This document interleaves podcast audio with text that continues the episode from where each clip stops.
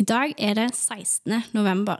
Kanskje ikke en dato som de fleste forbinder med noe spesielt, men det er altså den såkalte likelønnsdagen, som markeres som et symbol på at kvinner fra denne datoen og ut året i prinsippet jobber gratis. Lønnsforskjeller mellom kjønn har fått ganske mye fornya oppmerksomhet den siste tida etter tildeling av nobelprisen i økonomi til Claudia Goldin, som gjennom sin forskning viser hvordan kvinner systematisk taper idet de får barn, og spesielt i typiske karriereyrker, der man blir belønna for å være mest mulig tilgjengelig. Et viktig funn for forskningen til Goldin er at menn og kvinner har omtrent samme lønn i den første jobben de får, og at det store skillet kommer først etter at det første barnet blir født. Da ser han plutselig at lønnsutviklingen skiller betydelig mellom menn og kvinner. Så med andre ord så er kostnaden med å få barn veldig forskjellig eh, for menn og for kvinner. I tillegg så viser ny forskning fra Universitetet i Bergen at også menn som tar ut pappaperm, blir hengende etter i lønnsutvikling sammenlignet med menn som ikke gjør det. Disse tallene kommer samtidig som fruktbarheten er på rekordlave nivåer, 1,4 per kvinne, og eldrebølgen er på vei, og Norge trenger flere skattebetalere, som implisitt betyr at vi blir oppfordret til å få flere barn. Er det i det hele tatt mulig å kombinere karriere og familie på en måte som gjør at man slipper dårlig samvittighet?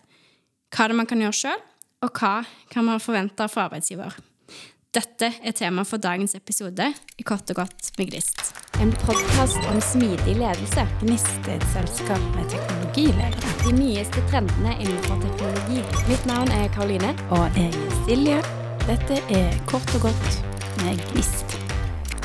Nå er det faktisk eh, bare to måneder til jeg sjøl skal ut i mammaperm. Eh, derfor har jeg fått meg noen veldig kule damer som jeg ser veldig opp til. Eh, til å gi meg noen gode råd på veien på hvordan det skal gå framover med både jobb og som mor.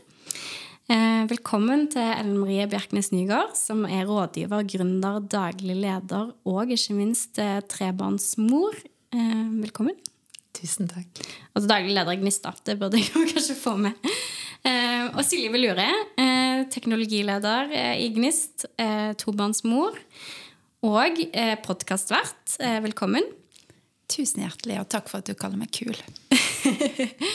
og, ja, og det som er spesielt kult, er jo at Silje tok over som podkastvert mens hun fremdeles var i mammaperm. som kanskje noe ikke alle vet. Um, hva tenker dere når dere hører dette her? Nei, altså For meg så spoler jeg litt tilbake til da jeg startet min karriere for 15 år siden. Og, eh, og, ble selv bevisst på disse temaene, som jo også var en utfordring da.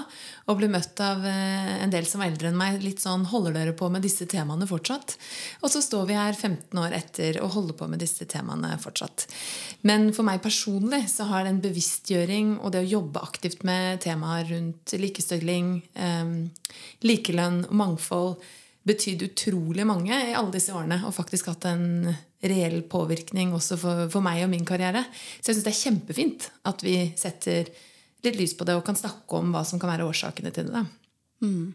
Jeg støtter meg veldig til det. Eh, samtidig så jeg ble vel ikke overrasket. og Jeg vet ikke om det er en god ting eller en dårlig ting. Men jeg ble også veldig glad for at det finnes kvinner og eh, for så vidt menn der ute som forsker, på disse tingene fremdeles. Fordi jeg har det så lite eh, langt fremme i min pannebrask. da.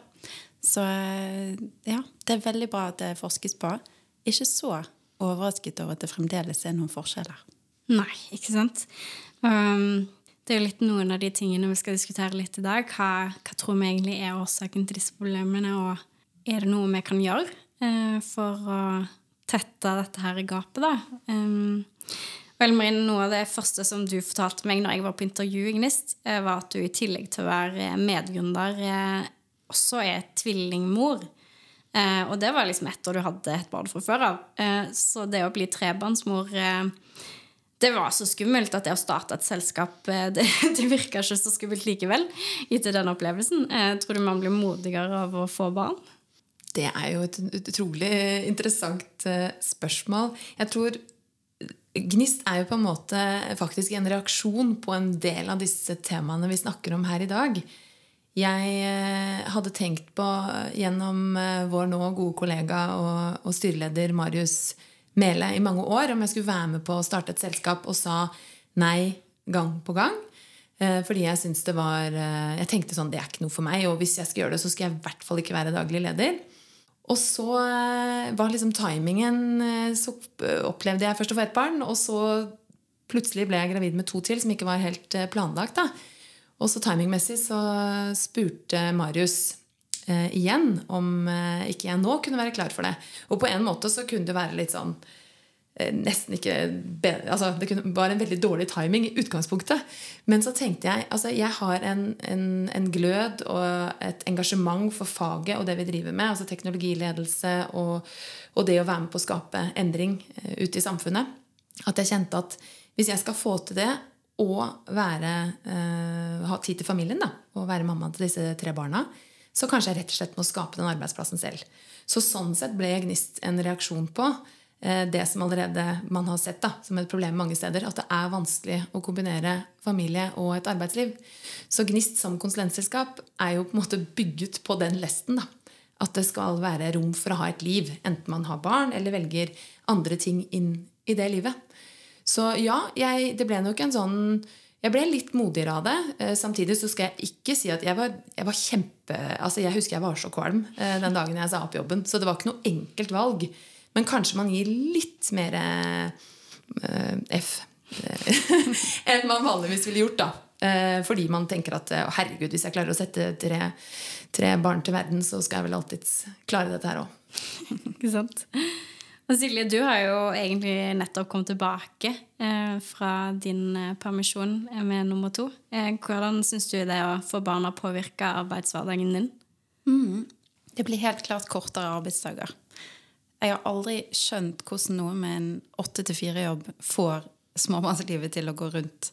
Det er for meg helt utrolig, for vi er i en veldig privilegert situasjon der, eh, ja, som ansatt i Gnist, så kan man jo styre arbeidsdagen litt mer. Nå høres dette ut som en reklame for Gnist, men eh, det er jo en av, eh, av de tingene jeg verdsetter veldig høyt. En fleksibilitet som gjør at jeg kan komme på jobb ni og gå fra jobb klokken tre for å hente barn i barnehagen. Og så kan jeg ta igjen tapte timer eventuelt seinere hvis jeg har mulighet til det. Men det er samtidig ikke noe krav.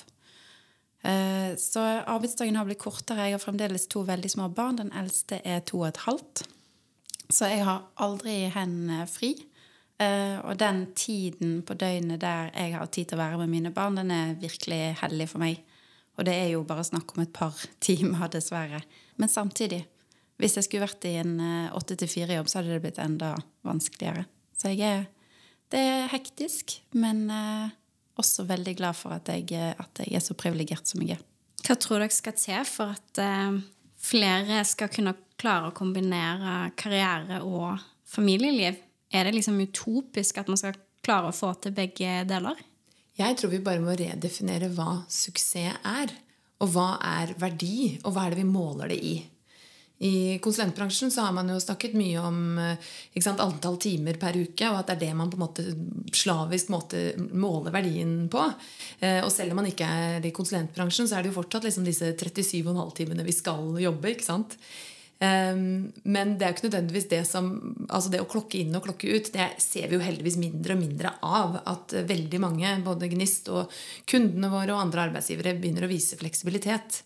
Men jeg tror at for å få en forståelse for hvordan det er å være i den livsfasen da, som alle vi tre er, så er man nødt til å ha en arbeidsplass hvor det finnes litt ulike typer folk. Altså en mangfoldig arbeidsplass. For det gjør jo at man kan ulike, altså Man er jo ulike livsfaser og ulike situasjoner i livet. Hvis alle er veldig like, eh, og alle er på samme plass, og alle jobber like mye, så blir det en følelse av at jeg må også gjøre det. I Gnist så har vi alt fra ganske mange eh, småbarnsforeldre, men vi har også folk som er i en helt annen periode av livet. Og da kan det være andre utfordringer. Men det at ikke det er så boksa inn da, akkurat hvem man er, og hvordan man skal jobbe, men at det er eh, flere måter å leve livet sitt på, og ikke liksom én definisjon av hva som er suksess. Og da er vi inne på mer liksom, mål og kopier. da hva er det vi, vi måles på? Og hvordan er det vi jobber for å nå de målene? Det må jo være i tråd med det eh, det selskapet du ønsker å skape, og den kulturen. Og der mener jeg absolutt at det er rom for både småbarnsmammaer og pappaer og, og, og de, de, som ikke har det. Så, men det her er tror jeg, utrolig viktig. Da, at man kjenner på at, man kan, at det er lov i perioder av livet og, hvor jobben ikke er alt. Ikke sant. Mm. Eh, og det, men det her, den forskningen her viser jo, er jo at når kvinner får barn eh, det, Og det tror jeg Jeg vet ikke om den forskningen til eh, Claudia Goldin Nå blir det veldig sånn kjernefamilie med mamma og pappa, og sånn, men eh, om det også gjelder på en måte når det er to fedre. Men i hvert fall at når man blir borte fra jobb og får barn, så henger man etter på lønnsutviklingen. Og det tar altså, altså Man klarer nesten ikke å ta det igjen. Ever. Eh, og det er jo veldig sånn der dystre tall og statistikk. Eh, selv om på en måte penger ikke er alt, og man får mye glede av disse barna også, da. Men det kan jo være sånn demotiverende. Altså, hva, hva, tenker dere? Er det med kvinner som blir flinkere til å kreve mer lønn, eller er det liksom Hva, hva tenker dere? Her tror jeg man må jobbe i to dimensjoner. For det første så er vi på en måte litt sånn ferdig med å si at det her er kvinnens ansvar. Eller som du sa, så viste jo faktisk den forskningen også at det samme gjelder for pappaene eller fedrenes ansvar. Her må det være, Nå vet vi såpass mye om dette temaet at dette også må være arbeidsgivers ansvar. Og akkurat lønn er jo på en måte rent sånn data, kvantitativ data som det er mulig å følge med på. Og jeg vet jo at flere og flere selskaper nå begynner å bli veldig bevisste på at man får lønnsforhøyelsene selv om man har vært ute i permisjon. Eh, at man er med på å løfte de småbarnsmammaene og pappaene selv om de har vært ute. da. Og nå i Gnist er det jo like vanlig for småbarnsfedrene å gå ut eh, i permisjon, noe som jeg syns er kjempekult, som det er for, for mødrene. Så hos oss er dette bare liksom business as usual.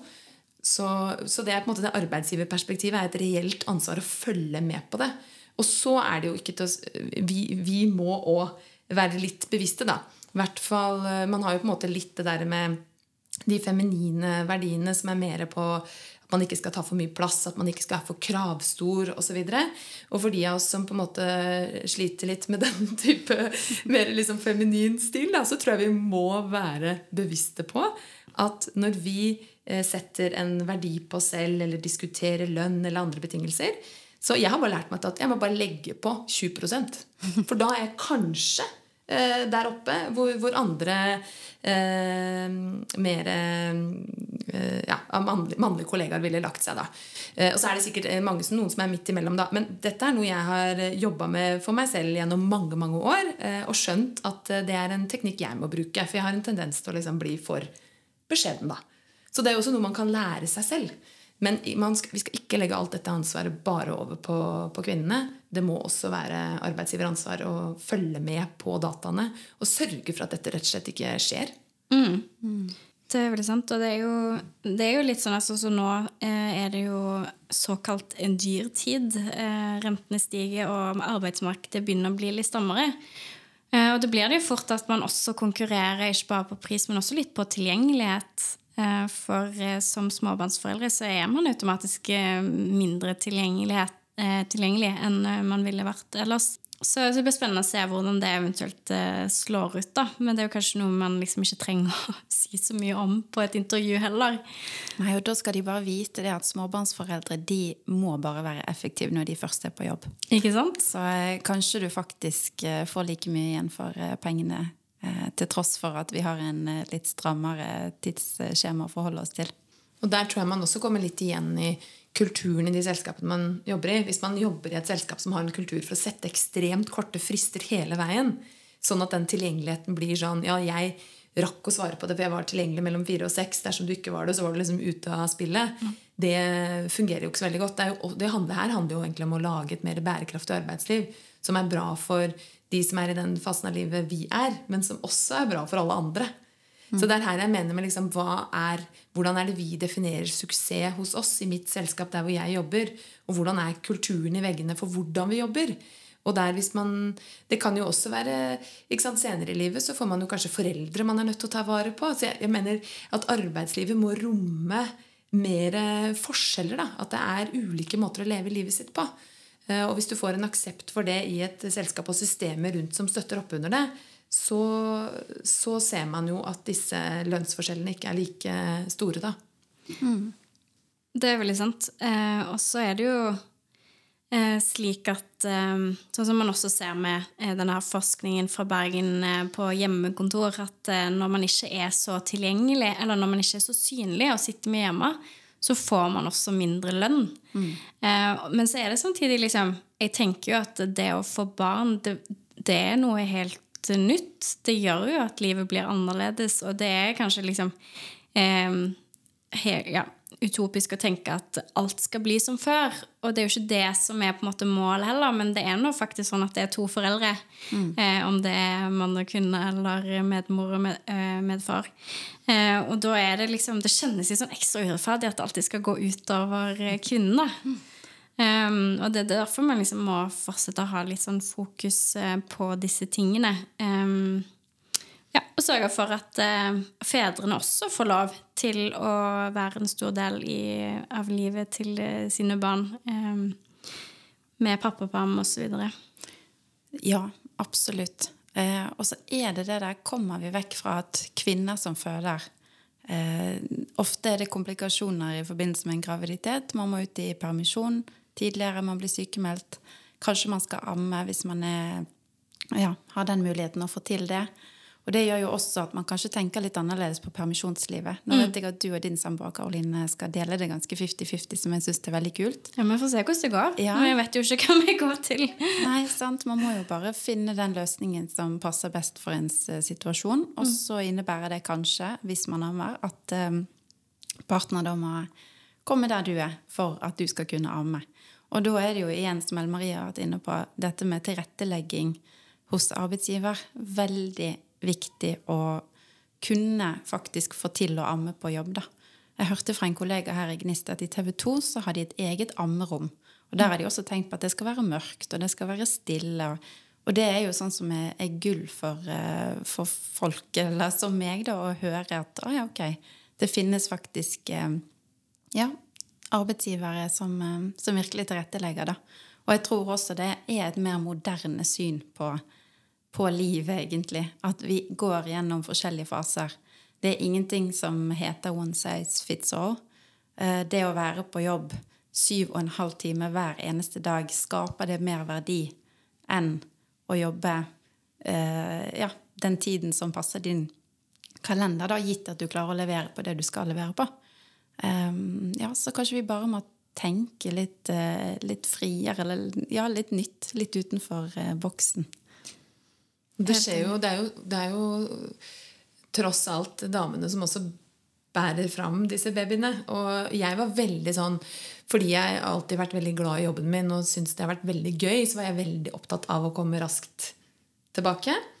Når jeg ser på det med litt andre øyne nå Nå er jo mine tvillinger eh, fem år, da, så nå har jeg det litt på avstand. Så tenker jeg jeg kunne fint vært hjemme litt til. Men for meg var det gleda, For meg var det veldig bra. Det var positivt. Jeg fikk det bedre. Jeg hadde lyst til å ha begge deler i livet. Mens for andre ønsker man å være hjemme halvannet til to år. Og det tenker jeg det må jo også være helt greit. Det er jo et lite komma på CV-en. Og at du er like attraktiv, og at liksom man viser en forståelse for det. da Og at man kan komme tilbake i full kraft i arbeidslivet etter det. At ikke det er det igjen. Det er det her jeg mener med de der stramme rammene for hva som er eh, rett og galt. I, I Norge så har vi ganske sånn strenge sosiale normer på disse tingene. At det er også fint å kunne vise at det er flere måter å gjøre det på. Uh, uten at man uh, Men man må jo da tørre å gå tilbake. Da, ha liksom troen på seg selv og, og eh, ja, og redefinere igjen litt hva er det. Ok, kanskje 70 er godt nok, da, ut fra min egen standard. Og at man kommer et sted hvor du vet at du blir løftet frem. Og ja, ok, du, eh, du er liksom litt trøtt og sliten i dag. Det, det håndterer vi bra, for her jobber vi i team og løfter hverandre. ikke sant? Det er jo den beste følelsen. Og jeg tror eh, de som er veldig karrierebevisste, da eh, Det skal være plass til et familieliv, men jeg tror ikke du endrer personlighet selv om du får barn. Så selv om Altså hvis du har vært et såkalt talent eller jobbet veldig hardt før du fikk barn, så får du barn, så er det en liten fase der det blir eh, hektisk å kombinere både og. Men det betyr ikke at du nødvendigvis slutter å være et talent eller en hardtarbeidende sjel av den grunn. Så jeg tror ja, man, man er jo den samme personen, og man har lyst til å levere på jobb, som regel. Og så er det kanskje andre som, som syns at familieliv er viktigere. Og da tenker jeg at dette er kanskje en brannfakkel, men hvis du da er lenge vekke fra jobb, si du får syv barn og det blir syv år totalt, så mister du også syv år arbeidserfaring, da.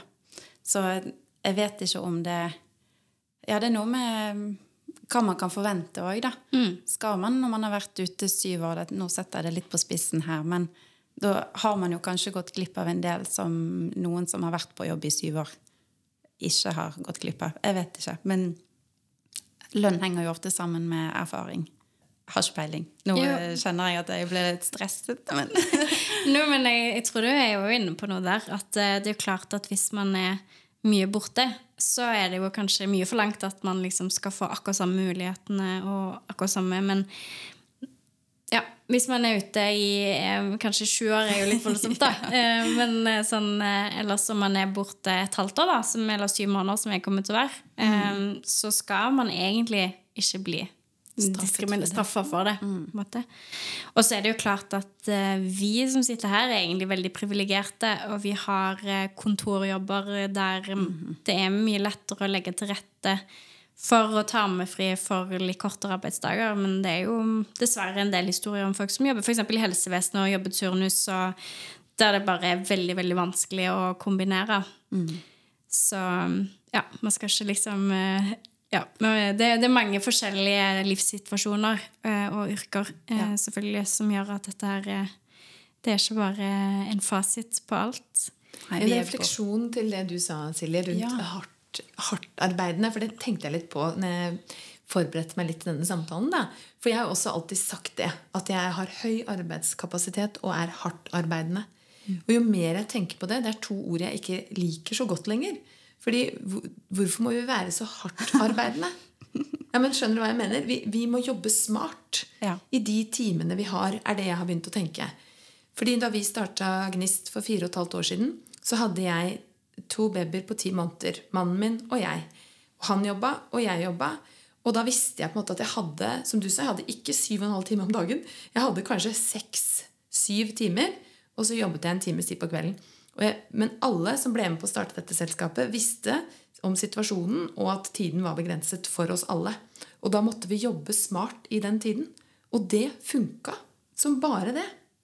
Så jeg har begynt å liksom redefinere, Det er det jeg mener med å redefinere suksess. Det er ikke nødvendigvis hardt arbeid. Det er smart arbeid. Mm.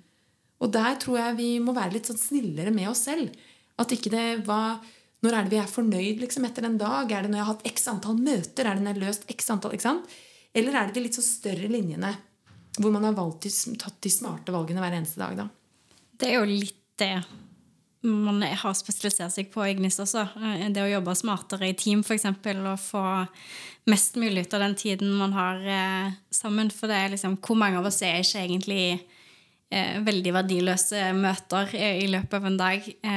Det er jo liksom det, det, er mulig å få gjort ganske mye, tror jeg, på kortere tid. Så det er absolutt noe i det. Um, og det Goldin sier, er at eh, eller mener må til for å få lukka dette lønnsgapet, er at man organiserer arbeidslivet på en måte som gjør det mulig å kombinere arbeid og familie på bedre vis. Uh, og det er jo lett å si. Men hvilke praktiske løsninger uh, tenker dere hadde hjulpet dere da, for å få hverdagen til å gå enda bedre opp? Jeg tror eh, dette med ammefri og liksom tilrettelegge for amming hvis det er et tema, eh, det tror jeg er en klar bonus, bare en fordel for alle som, eh, mm, som det er relevant for. Hybrid arbeidshverdag for oss som er så bortskjemte at vi har det som et valg, da. Så er det gull i min hverdag for å få logistikken til å gå opp. Kjøp en bil. kødda. da?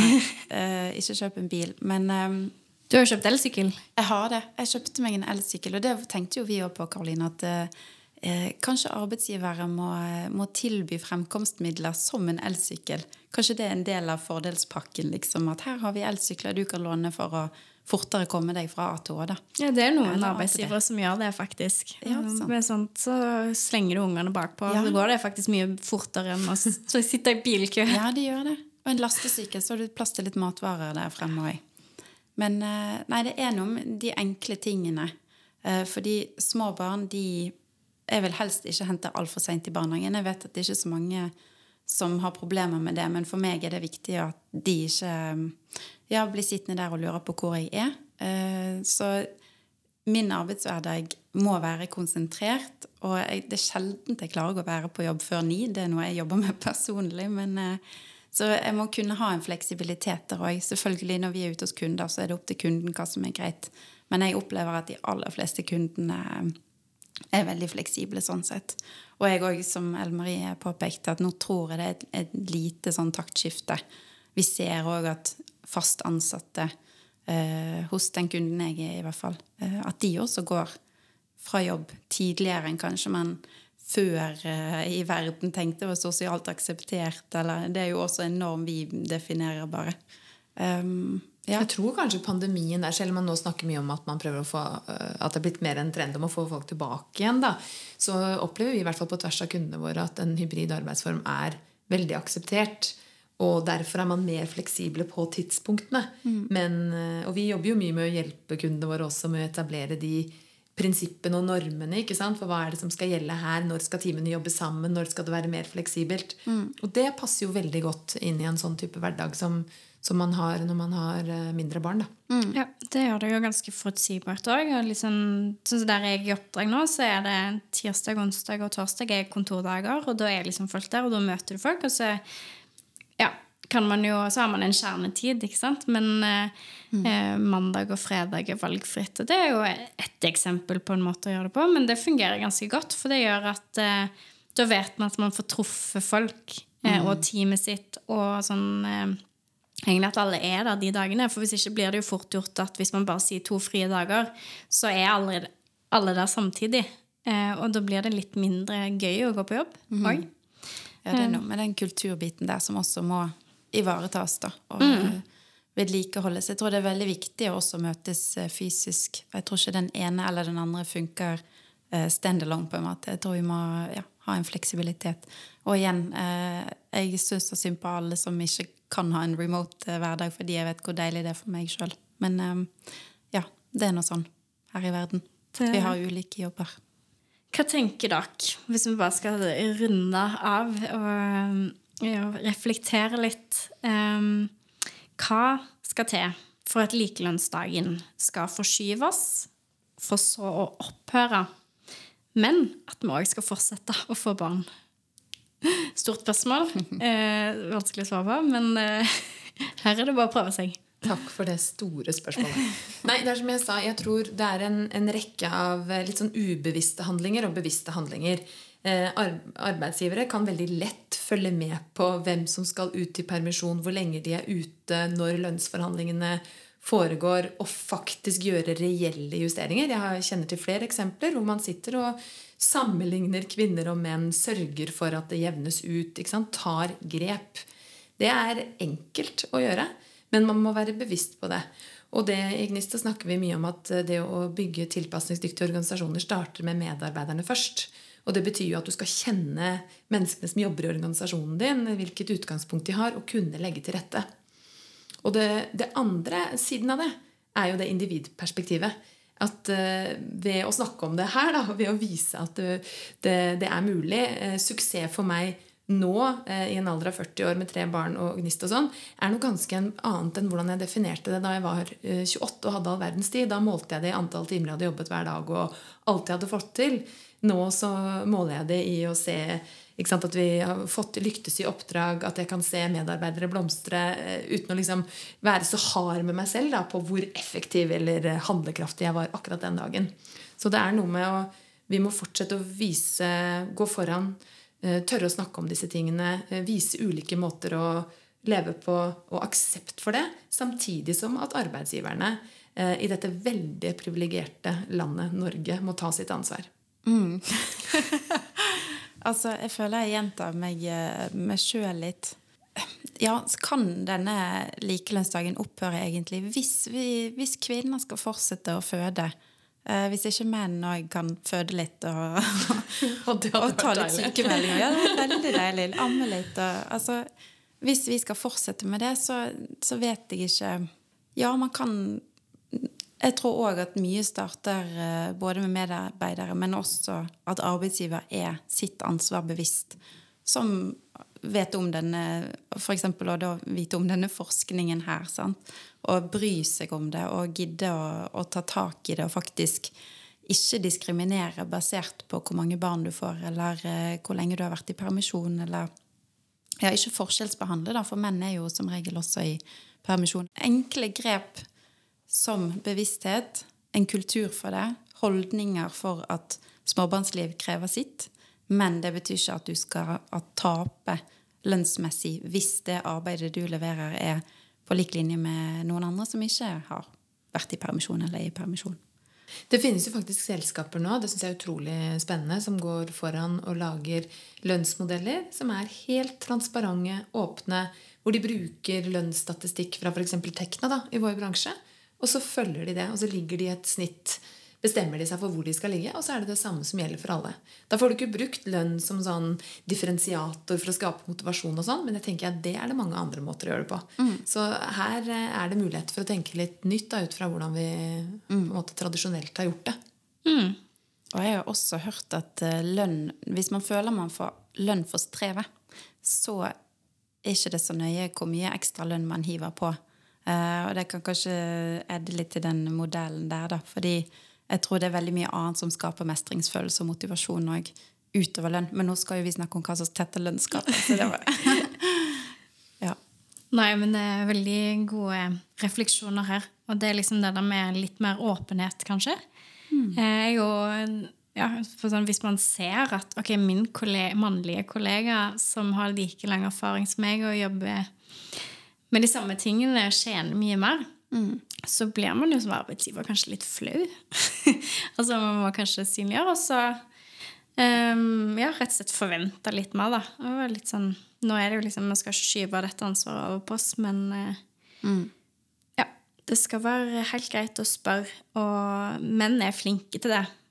Mm. Og krever mer i forhandlinger, så ja, det hadde jeg tenkt å kommentere i sted. At jeg tilhører nok den gruppen som ikke er så veldig høylytt når det kommer til sånt. Som å legge på 20 Ja. Ja. Må, det må jeg øve på, sånn som du, Ellen Marie. Mm. Veldig bra. Og helt eh, til slutt Som eh, forskningen til Claudia Goldin viser, så er det jo etter man får barn, at disse her eh, lønnsforskjellene oppstår. Har dere noen tips til meg og andre i min situasjon om eh, hva man må tenke på når man skal inn i sånn småbarnsfase? Det er jo helt umulig å forberede seg på en småbarnsfase. Men hvis du ønsker barn, og hvis det er mulig å få til, så tenker jeg hopp i det. For å få barn er en berikelse. Og da eh, finner man kanskje ut at eh, lønn ikke er så viktig likevel. Men det kan jeg jo si fordi jeg er privilegert. Eh, kanskje utfordre, utfordre, på de der faste rammene. Er det, er det sånn at jeg må være på jobb syv og en halv time, eller kan kan jeg eh, jobbe litt på kvelden istedenfor. Og få den arbeidsuken til å gå opp. Men da blir det kanskje noen timer eh, eh, her og der, og ikke på selve kontoret. Mm. Prøv å utfordre de der faste rammene. Snakk med arbeidsgiver. Hva kan vi gjøre for å tilrettelegge for at dette skal gå lettere? For det er hektisk, og det tar mye energi. Og hvis man skal få til begge deler, så, så må du ha arbeidsgiver med på laget. Jeg tror jeg må velge det som betydde kanskje mest for meg. Da. At jeg måtte sette andre forventninger til meg og mine prestasjoner. Eh, og allikevel kjenne at det var godt nok. Så det å redefinere suksess og hva verdi er, og hva, hva, hva man skaper, da, eh, som akkurat i den perioden der ikke handler om antall timer. Og så tror jeg det er utrolig viktig å anerkjenne at det er mange måter å leve et liv på. Så finne ut av hva som er viktig for for deg og din partner, og hva dere vil i deres liv. Og så tror jeg på en måte allikevel jeg må helt til slutt da, legge til at uh, det, det, er mye bedre å gå på toget og hoppe av på neste stasjon enn å bli stående igjen på perrongen. Så jeg er jo fortsatt liksom en forkjemper for å si ja, og så bare finne ut av så, om man får det til å funke. Og i verste fall så får man heller hoppe av toget. Men, uh, og det aller siste, som jeg også sa, er det, dette med Og eh, når du, når du tenker eh, hva man har levert av resultater og verdi, eller man er i en lønnsforhandling, legg på 20% så er du kanskje akkurat der du skal være. Takk for at dere hørte på denne episoden av Kort og godt med Gnist. En podkast om smidig ledelse. Gnist er et selskap med teknologiledere. De nyeste trendene innenfor teknologi. Mitt navn er Karoline. Og jeg er Silje. Dette er Kort og godt med Gnist.